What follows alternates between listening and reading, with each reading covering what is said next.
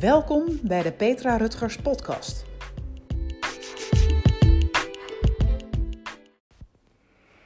Wat fijn dat je weer luistert naar mijn eh, podcast. En deze week wil ik het je met je gaan hebben over angst en onzekerheid. In deze huidige coronacrisis, waar we nog steeds eigenlijk in zitten, is onzekerheid en um, ja, angst speelt nog bij veel mensen een, uh, een grote rol.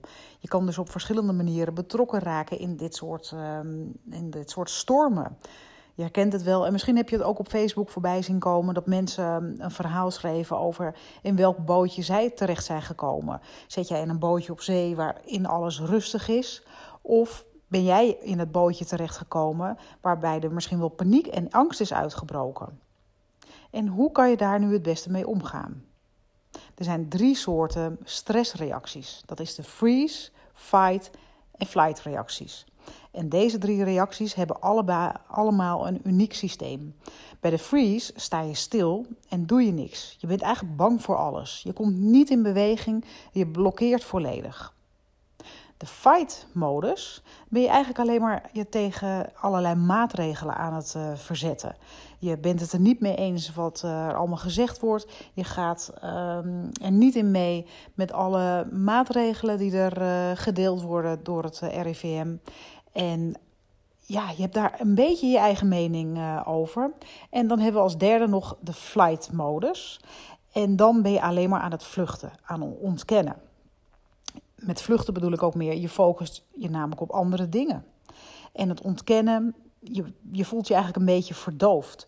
Je verstopt je. En uh, misschien ben je wel aan het uh, uh, verstoppen in, in uh, verslavende middelen, zoals seks, drank, drugs.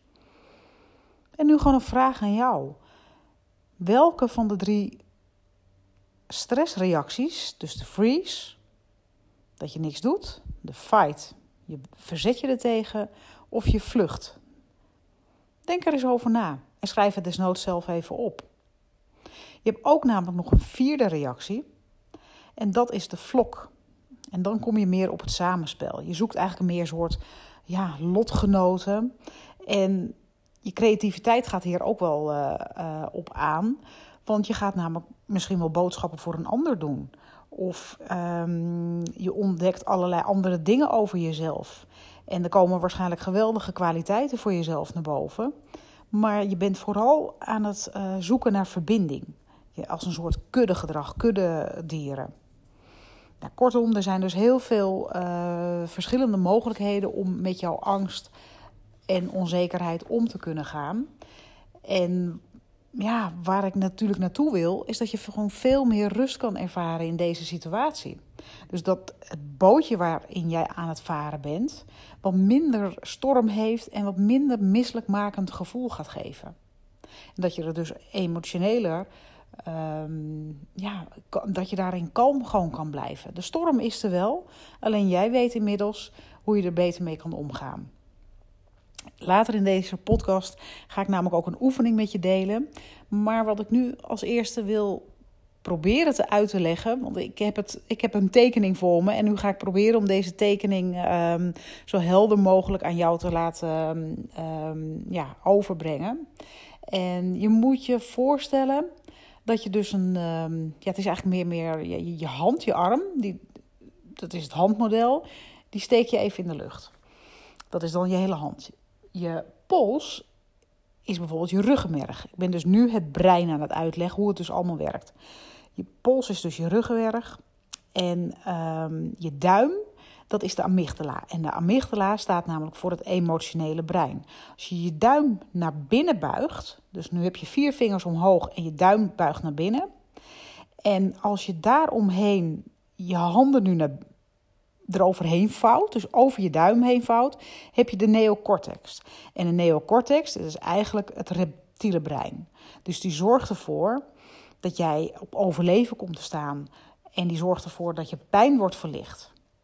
En de hersenstam reageert namelijk over andere systemen. Dus het emotionele brein, dus dat is die amygdala, dat is je duim, dat is je angst. En dat is waar je, ehm, eh, ja, waardoor je graag beschermd wil worden door nou ja, je vingers, laat ik het maar even zo uh, zeggen. Dus ehm, je hebt vaak wel eens een, een, een reactie. En ehm, dat je dus iets gedaan hebt vanuit een, uit een emotie waar je misschien zelf niet helemaal blij of niet helemaal trots op bent. Dat had je misschien anders kunnen doen. Of dat je een, um, uit een vergadering bent weggelopen. Of dat je misschien wel eens een keer uh, geschreeuwd hebt in plaats van dat je kalm bent blijven communiceren. Al deze emoties regeert eigenlijk over het rationele brein. Dus je neocortex die zorgt ervoor dat alles wat daaronder zich afspeelt qua emoties beschermt. Dus als jij ehm, in je angst zit, kan je namelijk niet meer nadenken, omdat zeg maar, je vingers, dus, dus dat reptiele brein, eigenlijk jouw duim, dus die amygdala, waar je emoties zitten, aan het beschermen is. Dus als je angst hebt, kan je dus niet meer logisch nadenken, omdat je eigenlijk afgevlakt wordt. Want het systeem denkt van oké, ik moet overleven, ik moet overleven. Dus eigenlijk ga je onbewust een stukje flippen in je eigen uh, lichaam. Je wordt angstig, je kan steeds minder ontspannen en je gaat steeds meer nadenken. En het enige wat jij je hoeft te vertellen is dat je veilig bent.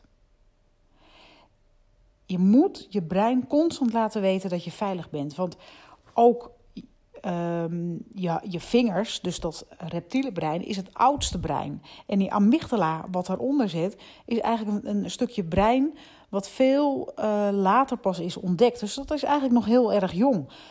Dus je kan je voorstellen als dat oude brein, dus dat, dat overleven en uh, dat reptiele brein van angst, gevaar. Zo leefden wij natuurlijk ook vroeger. Als we een, een, een, een, dier in het wild tegenkwamen, moesten we daarvoor vechten en moesten we daarvoor vluchten. Alleen nu, zoveel jaren later, hebben we dat eigenlijk niet meer zo nodig.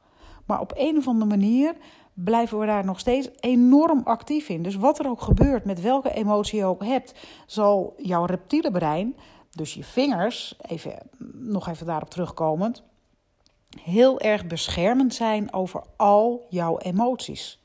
En daar wil ik je straks wat meer over vertellen. Dat je dat dus op een andere manier kan laten doen. En constant maar tegen jezelf zeggen van ja, het is gewoon veilig. En als je dat maar vaak genoeg blijft zeggen. En dat je ook een stukje dankbaarheid gaat creëren. En daardoor krijg je uh, creatievere verbindingen. Dus dan zal je merken dat je brein eigenlijk anders gaat reageren dan dat het normaal gesproken zou moeten doen of kunnen doen.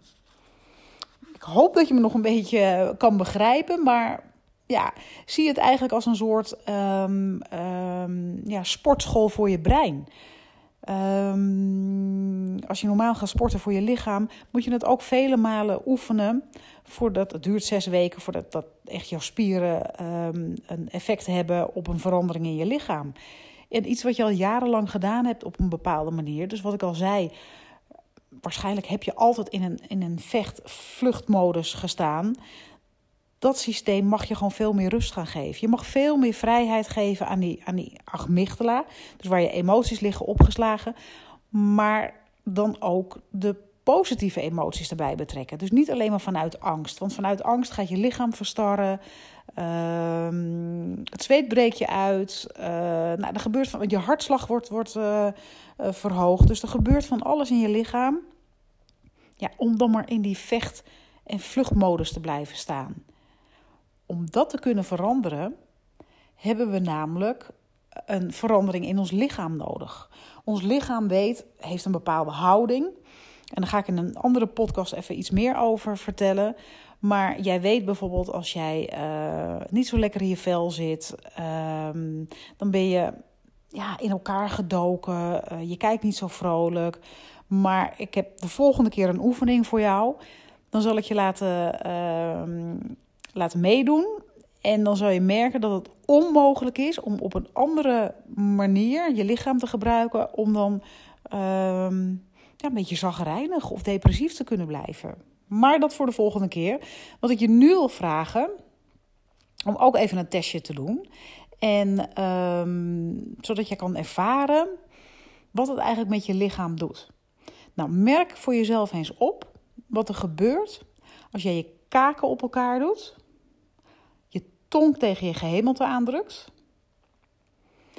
en je inademt en dan eigenlijk vasthoudt. En dan wil ik dat je eigenlijk focust op één ding, punt, wat jij, waar jij nu naartoe kijkt. Voor mij is dat, ik zie nu een kast met een sleutel erin. Dus mijn focus is op die sleutel. Kaken op elkaar. Dat zal voor mij niet helemaal lukken, anders kan ik niet meer praten. Kaken op elkaar en je duwt je tong uh, tegen je gehemelte aan. En wat ervaar jij nu? Wat ervaar jij nu in je lichaam?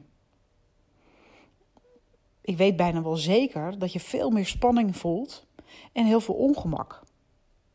Dus op dit moment ben jij dus met je lijf een bepaalde stemming aan het creëren. Nou, dan wil ik je natuurlijk heel snel en heel graag uh, uithalen.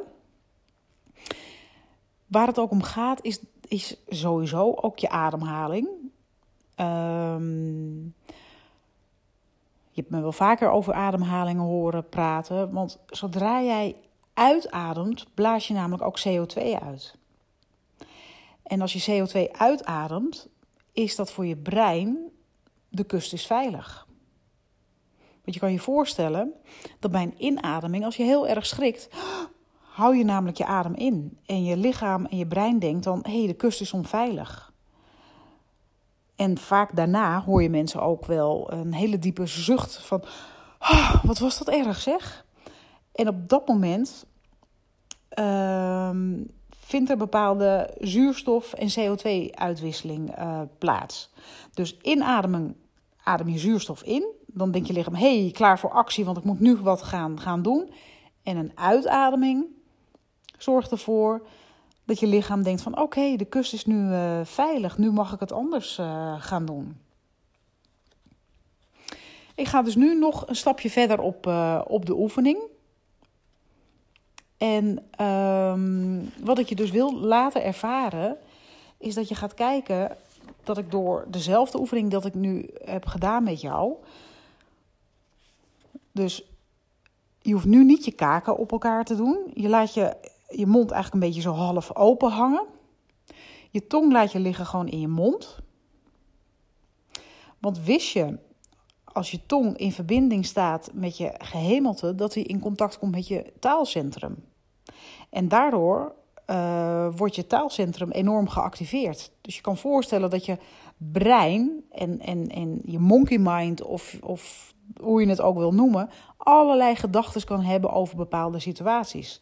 Dus als jij je tong ontspannen in je mond houdt, zal dat zeker helpen tot rust. En die innerlijke stem van jou zal dat dan veel um, relaxter zijn. Dus laat je tong rustig in je mond liggen. Je kaken laat je een beetje half uh, zakken. En wat ik je dan wil vragen, is dat je je, uh, je blikveld gaat verruimen. Net vroeg ik je om te kijken naar één punt in de verte. En nu wil ik je eigenlijk vragen van, als je je handen voor je houdt, die beweeg je langzaam naar de zijkant, totdat je ze nog wel steeds kan zien. Dus op dat moment ontstaat er een enorme verruimende blik.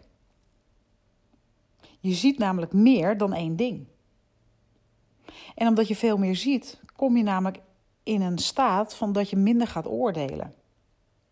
Je aandacht wordt namelijk uh, meer, staat open voor het grotere geheel. Je zoomt eigenlijk als, een stukje, als het ware als een stukje uit. Dus nog een keer voor jezelf. Je laat je tong los in je mond liggen. Je laat je kaken zakken. Dus je mond staat misschien wel een beetje open. Je kan daar ook gaan, door gaan ademen, um, meer gaan gapen. En um, daardoor ontstaat er ook een diepere ademhaling. En je brengt je handen zo aan de zijkant van je hoofd, zo ver dat je ze nog net wel een beetje kan zien. En daardoor verruim je je blik. En ik ben benieuwd hoe je je op dit moment voelt. Merk je dat je meer ontspannen bent? Merk je dat je invloed kan hebben op je stemming. En dat beïnvloedt dus ook zeker je gedrag.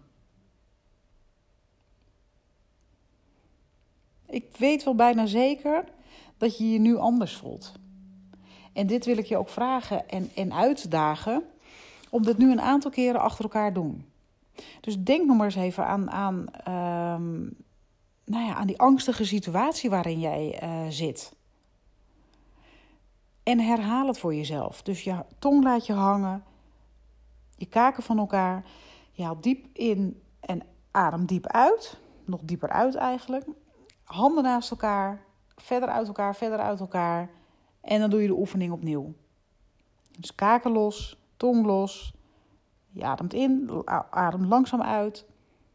En doet je handen weer uit elkaar. Dit herhaal je voor jezelf even zeven keer.